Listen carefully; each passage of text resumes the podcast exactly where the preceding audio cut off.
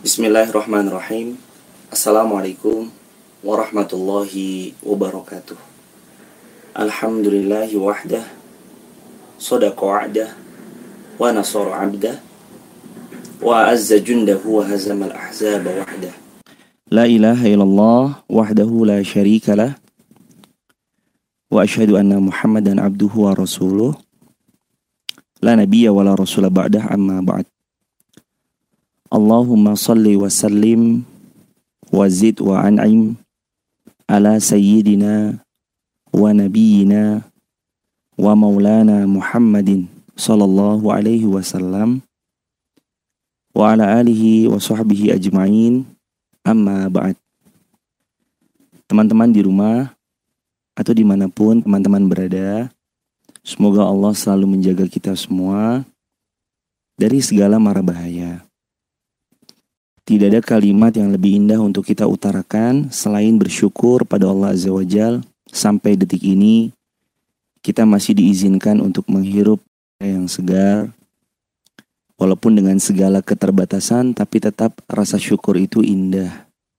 Kalau sudah tersemat dalam-dalam di relung hati dan jiwa.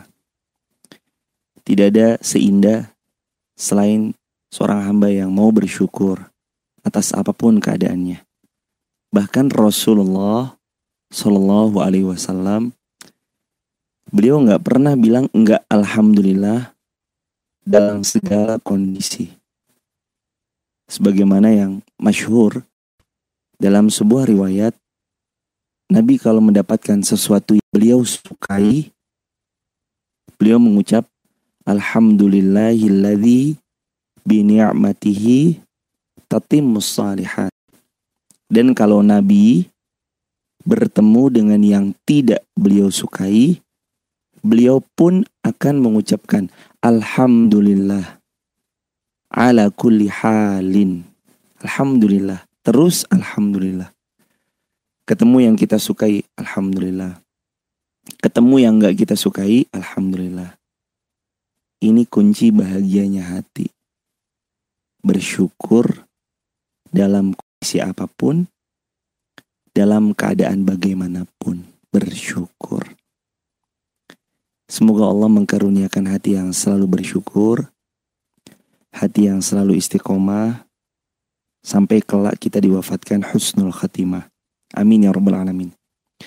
Kedua kalinya solawat bertangkaikan salam teruntuk manusia yang paling mulia, Baginda Rasulullah Muhammad sallallahu alaihi wasallam Allahumma salli wa sallim wa zid wa an'im mubarik alaih.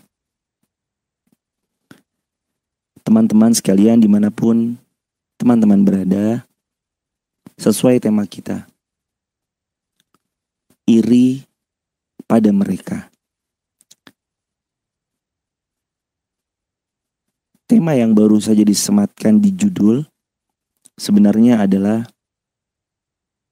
rangkuman dari hadis Nabi yang mulia Shallallahu Alaihi Wasallam riwayat Al Bukhari dan Muslim dari sahabat Abdullah bin Mas'ud atau yang lebih familiarnya Ibnu Mas'ud radhiyallahu an.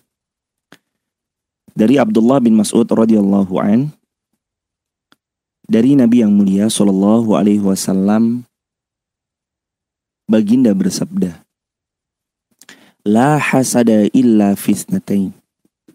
Tidak boleh hasad illa kecuali fisnatain. Kepada dua orang. Atau dalam ranah dua perkara. Atau bahasa gampangnya, nggak boleh iri terhadap kecuali terhadap dua hal. Yang pertama, siapa yang membuat kita harus iri pada mereka? Yang pertama, rojulun atahullahu malan. Fasallatahu ala halakatihi fil haqq. Baginda yang mulia bersabda rajulun seorang. Atahullahu malan. Yang Allah berikan padanya malan harta. Jadi beliau orang yang sedang dititipkan oleh Allah harta. Fasallatahu ala halakatihi fil haqq Kemudian orang yang dititipkan harta oleh Allah tadi mensedekahkan hartanya di jalan yang hak yang benar. Di jalan yang Allah cintai. Di jalan yang Allah ridhoi. Di jalan yang Allah sukai. Sama yang demikian, bila kita iri, itu boleh. Dan sebagaimana para ulama memberikan indikasi ada sebuah kitab bagus. Judulnya Igosatul Lahafan. Kitab ini salah satunya menyebutkan tentang salah satu tanda hati hidup di bab pertama. Di bab pertamanya. Dalam kitab Igosatul Lahafan. Tanda hati hidup salah satunya adalah ketika dia merasa terpancing untuk beramal soleh ketika orang lain beramal soleh. Allah Akbar. Jadi kalau ada orang beramal soleh, kemudian kita terpancing. Ingin melakukan hal yang sama sep seperti orang melakukan hal tersebut. Atau sebagaimana orang itu melakukan hal tersebut. Ini tanda hidupnya hati. Jadi irinya seorang hamba pada hamba Allah yang lain. Karena hamba Allah yang lain itu berderma, ini tanda hati orang tersebut hidup. Kemudian dia menginginkan, ya Allah kalau hamba punya harta yang sama, hamba akan bersodakoh sebagaimana hambamu fulan bersodakoh. Tanda hati hidup. Kalau hati yang mati, nggak tergetar untuk bersodakoh tatkala melihat pihak lain bersodakoh. Nggak ada getaran dalam hatinya. Karena hatinya mati. Quran surah 2 Al-Baqarah ayat 10. Quran surah 2 Al-Baqarah ayat 10. Fi kulubihim marad. Fazadahumullahu marad. Di dalam hati mereka ada penyakit. Dan kemudian Allah tambahkan hati mereka menjadi tambah parah sakitnya.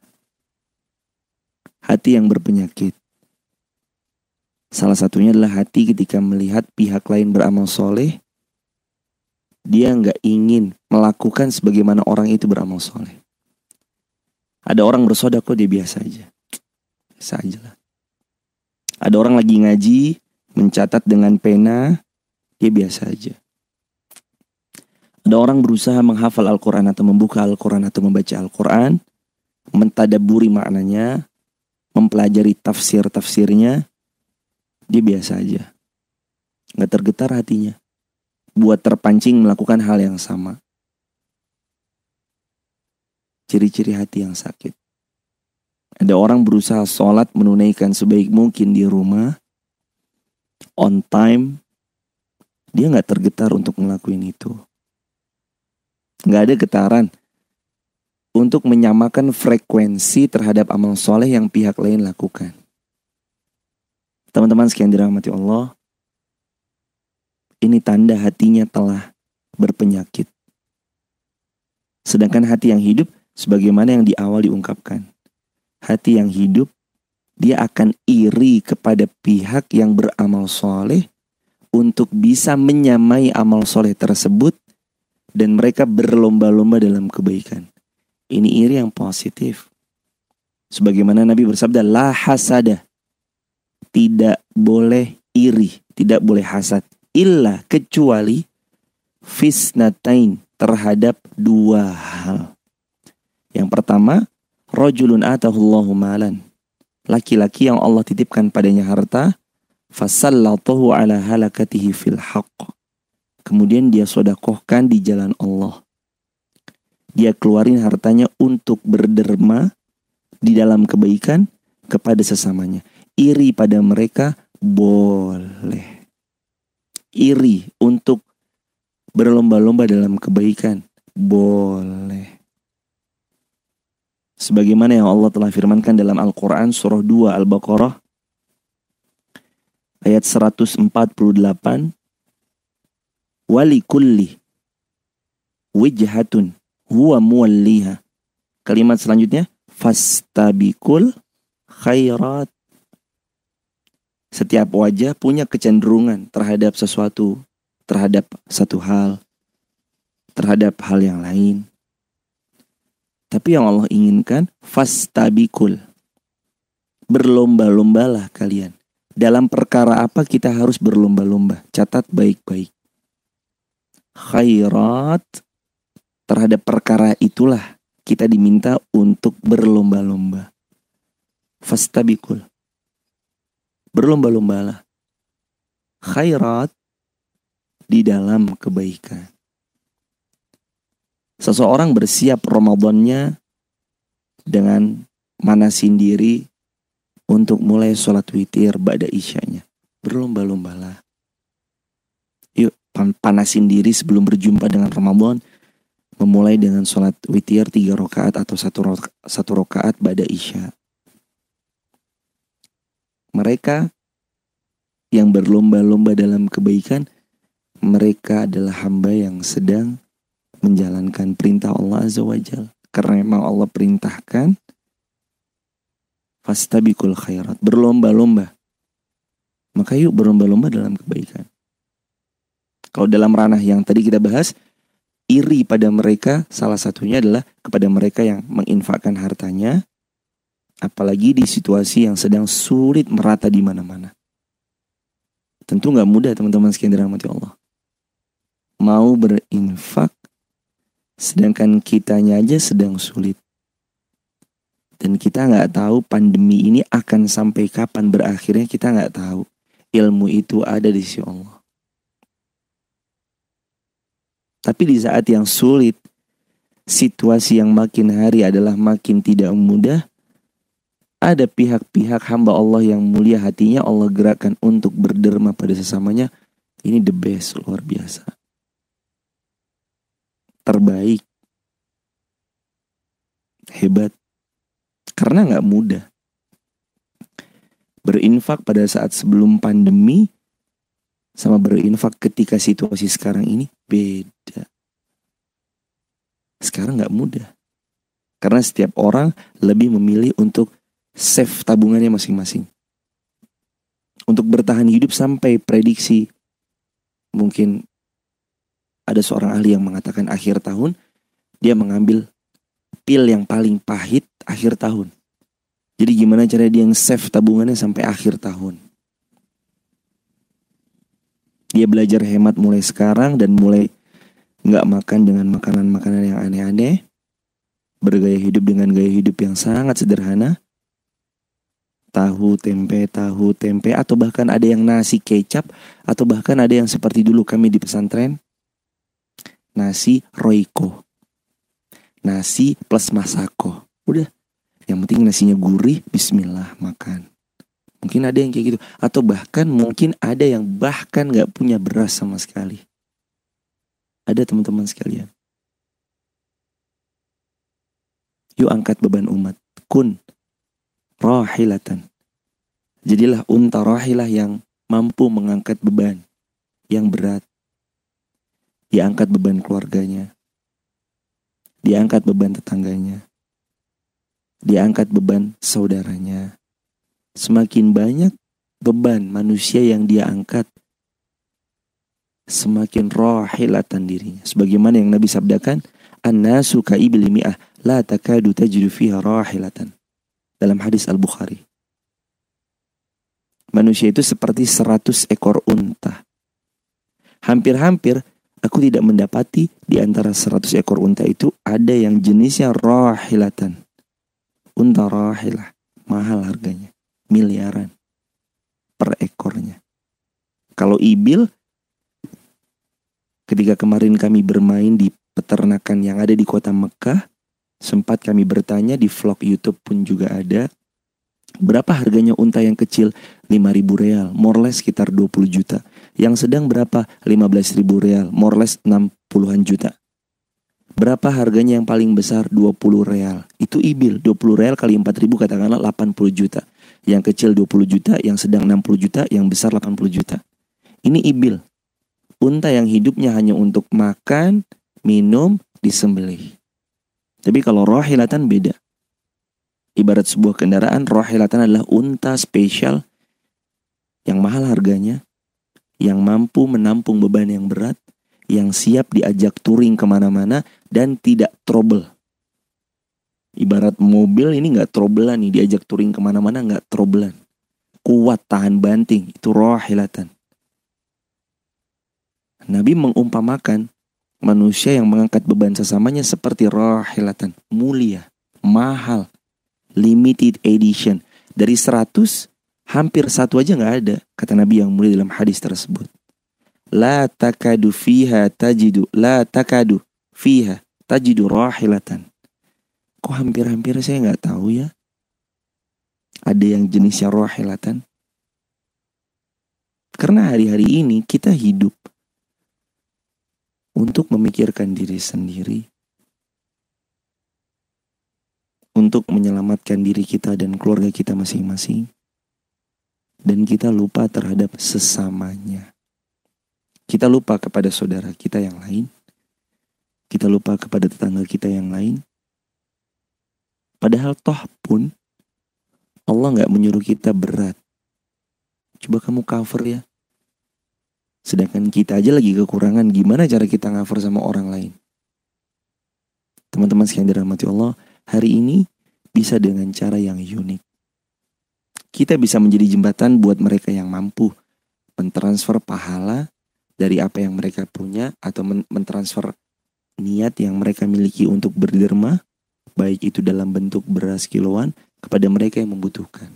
Sosial media, semua alatnya ada di genggaman teman-teman sekalian. Handphone, smartphone, gadget. Jadi ini itu jembatan yang menjadi penghubung antara mereka yang belum punya beras di hari-hari ini dengan mereka yang mungkin punya stok beras dan kodar Allah mau berderma. Jadikan, jadilah kita sebagai agent kebaikan, agen-agen kebaikan. Jadi jembatan, kan nggak harus keluar uang kan gak harus keluar beras. Karena kitanya mungkin juga kekurangan atau keterbatasan. Tapi toh pun kalau kita dalam kekurangan dan keterbatasan mau berbagi kepada samanya, the best luar biasa.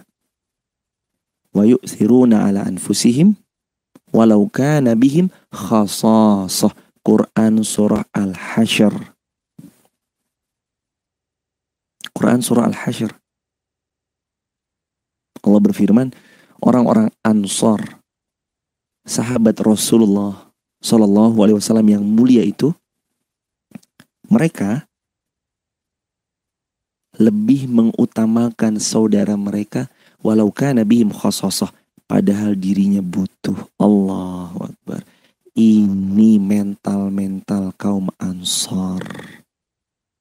Jiwa-jiwa yang selalu ingin menolong orang lain kaum Ansor, maka pantas mereka diganjar surga. Mereka butuh, tapi mereka lebih mengutamakan orang lain. Allah, Allah, Allah, Allah, Allah. Allahu Akbar. Mental-mental jawara. Mental-mental yang hari ini gak gampang untuk kita dapatkan. Karena banyak di antara kita lebih safe, lebih memilih menabung menabung dan menabung untuk dirinya sendiri daripada berbagi kepada sesamanya. Allahu Akbar. Pantas teman-teman sekalian. Kalau kaum Ansar menjadi orang yang dijamin surga. Sahabat-sahabat Nabi yang mulia yang dekat dengan Nabi, yang mentornya langsung dimentori oleh Nabi, dijamin oleh surga.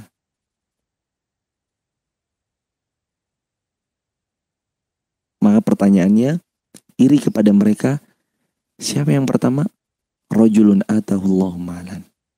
Kepada seseorang yang Allah titipkan harta kepada mereka, kemudian mereka menginfakkan di jalan Allah. Yang kedua siapa? Karena tadi dalam bahasan hadisnya fitnatain.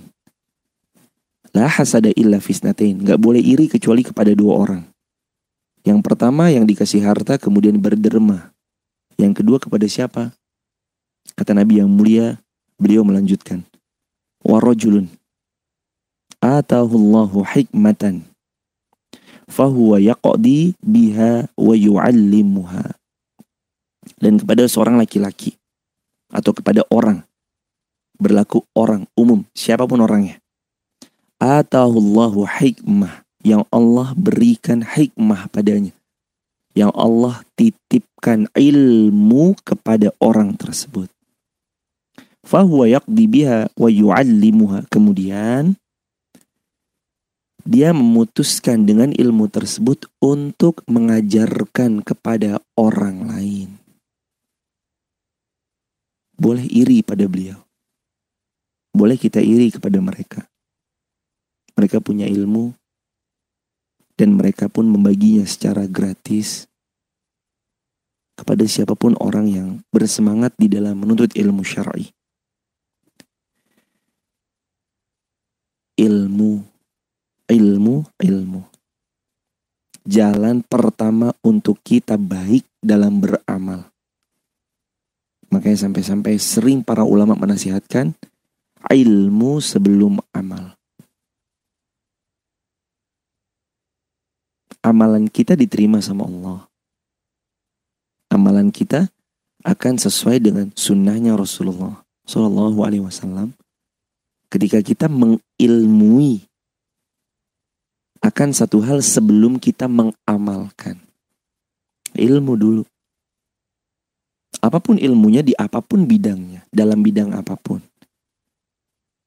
Ilmu bernegosiasi, ilmu berdagang, ilmu untuk tentunya ilmu-ilmu syar'i yang dimaksudkan ya. Tapi lepas daripada itu, semua ilmu yang menjadi instrumen penghantar kebaikan dia juga beroleh manfaat. Bukankah orang yang mengajarkan kepada anaknya untuk memasak? Memasak kan duniawi. Tapi ketika anaknya ternyata masakin atau masakin untuk suaminya, anaknya masakin untuk keluarganya, orang tuanya yang pernah mengajarkan ilmu memasak tersebut panen pahala? Jawabannya iya, jelas. Bukankah seorang ayah yang ketika anaknya tumbuh remaja lantas mengajarkan untuk menyetir mobil. Sehingga anaknya besar sudah bisa menyetir mobil dan ketika dia membawa mobilnya diarahkan ke tempat-tempat yang Allah ridhoi, hadir ke majelis ilmu ketika kondusif misalkan. Dia bisa nyetir mobil kemudian meng mengantar pihak-pihak lain yang ingin berobat ke rumah sakit misalkan. Bukankah sang ayah yang ketika anak itu remaja mengajarkan kepada beliau tentang menyetir mobil panen pahalanya? Jawabannya iya. Jadi instrumen ilmu-ilmu dunia itu penghantar kebaikan juga. Guru-guru yang mengajarkan kimia, fisika, biologi, psikologi, ekonomi, bahasa Inggris, bahasa Mandarin, bahasa Indonesia. Bukankah selama dimanfaatkan untuk hal-hal yang positif, mereka panen pahalanya? Jawabannya jelas, panen pahalanya. Teman-teman yang disayang Allah, boleh kita iri pada mereka. Mereka berilmu. Dengan dan dengan ilmunya mereka dedikasikan diri mereka untuk berbagi kepada sesamanya. Mereka berilmu. Dengan ilmunya mereka cerdaskan umat. Mereka berilmu. Yang dengan ilmunya mereka banyak mengenyahkan kejahilan-kejahilan yang ada pada diri kita guru-guru kita yang mulia, kiai-kiai kita yang sangat kita hormati, ustadz-ustadz kita yang kita muliakan, para masayih yang kita menimba ilmu dari beliau. Bukankah beliau Allah panen pahala yang besar lagi luas? Iya teman-teman sekalian. Allahu Akbar. Sangat besar pahala yang Allah berikan pada mereka yang mau dengan tulus ikhlas mengajarkan ilmu kepada umat. Teman-teman yang dirahmati oleh Allah, luruskan niat. Bulatkan tekad. Social distancing tidak boleh menghalangi diri kita untuk tetap belajar ilmu syar'i. Belajar ngaji, apa pun medianya lewat platform mana pun. Baik itu live streaming IG, Instagram, teman-teman yang yang ada di Instagram. Live streaming YouTube, teman-teman yang lagi nonton di YouTube. Live streaming Facebook buat teman-teman yang akses dari Facebook. Atau platform-platform yang hari ini baru-baru naik daun. Google Hangout, Google Meeting, aplikasi Zoom, Allahu Akbar. Bukankah hari-hari ini banyak di antara kita akhirnya melek teknologi? Jawabannya Allah luar biasa banyak. Wisuda by online. Wisuda online Allah. Wisuda online. Yang dulu mungkin kita ngerasa tabu online. Kajian streaming dari dulu udah ada emang streaming, streaming, streaming. Tapi kan hari ini kita besar merasakan manfaat streaming itu gitu loh. Ketika social distancing, physical distancing, ketika self isolation, ketika kita sedang menjalankan self quarantine di rumah aja, semua di rumah. Beli pun ketik ketik ketik ketik ketik datang ojek online yang berjaket hijau. Beliau pahlawan-pahlawan kita kan. Kita tinggal ketik, datang barang yang kita pesan di hadapan kita. Tanpa harus kita keluar. Kemudian kita bayar. Sembari mengucapkan terima kasih kepada ojol tersebut, kita berikan hadiah lebih. Agar beliau tersenyum, anak-anak beliau tersenyum. Allah, mulia banget. Hidup ini bukan tentang memikirkan diri sendiri Hidup ini adalah tentang berbagi. Berbagi apa pun. Berbagi ilmu, berbagi senyum, berbagi kebaikan, menebar manfaat. The more we learn, the more we earn, the more we return. Semakin banyak kita belajar, akan semakin banyak yang kita dapatkan. Ketika semakin banyak yang kita dapatkan, semakin besar peluang kita untuk berbagi. Ketika semakin banyak kita berbagi, the more we return. Atau the more we return. Semakin banyak juga yang akan balik ke diri kita sendiri. Bukan hanya sekedar apresiasi manusia. Bukan hanya sekedar harta semata tapi apresiasi yang lebih daripada itu semua. Di atas itu semua nilainya adalah apresiasi ketika Allah masukkan hambanya ke dalam surga firdausnya Allah Azza wa Jal. Itu apresiasi yang paling the best. Makanya kan sering kami mengingatkan diri kami pribadi dan kawan-kawan di mana pun kawan-kawan berada lurusin niat, lurusin niat, lurusin niat. Live streaming untuk apa? Berbagi ilmu untuk siapa? Kita mengharap apa? Tujuan kita siapa? Kita sedang cari ridonya siapa? Itu penting banget. Jaga ikhlas. Jaga ikhlas. Jaga ikhlas. Jangan sampai salah niat. Pujian manusia nggak ngenyangin. Manusia muji, pinter ya. gak kenyang dibilang pinter. Baik banget ya, dibilang baik juga gak ngenyangin. Kebanyakan pujian kadang membahayakan. Kadang terlena dan terpedaya bahkan dibuat melambung tinggi dengan pujian justru kadang itu malah bahaya banget luar biasa. Makanya Sayyidina Umar bin Khattab radhiyallahu an beliau pernah mengatakan satu kalimat yang catatlah kalimat ini dengan tinta emas. Kata beliau, nikmat yang membuat aku ujian.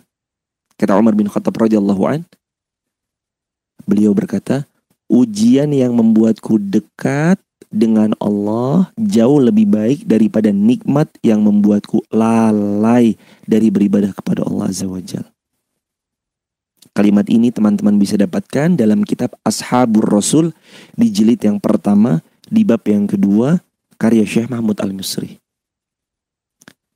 Sekali lagi, yuk kita sama-sama simak apa perkataan Sayyidina Umar bin Khattab radhiyallahu an. Ujian yang membuatku dekat dengan Allah lebih baik daripada nikmat yang membuatku lalai dan jauh dari Allah. Allahu Akbar jiwa mulia. Jiwa mulia yang bisa memandang ujian membuat dirinya makin dekat dengan Allah. Ketika nikmat datang, mereka selalu bersyukur atas semua nikmat yang sedang Allah titipkan. Ini iman yang mulia, iman yang sahabat. Imannya tabi'in. Imannya tabi'ut tabi'in. Imannya salaful ummah. Imannya orang-orang soleh terdahulu. Imannya guru-guru kita yang sangat kita hormati Imannya kiai-kiai kita yang sangat kita muliakan. Imannya para masaih masaih. Wah, Allah Akbar. Imannya orang-orang yang berilmu.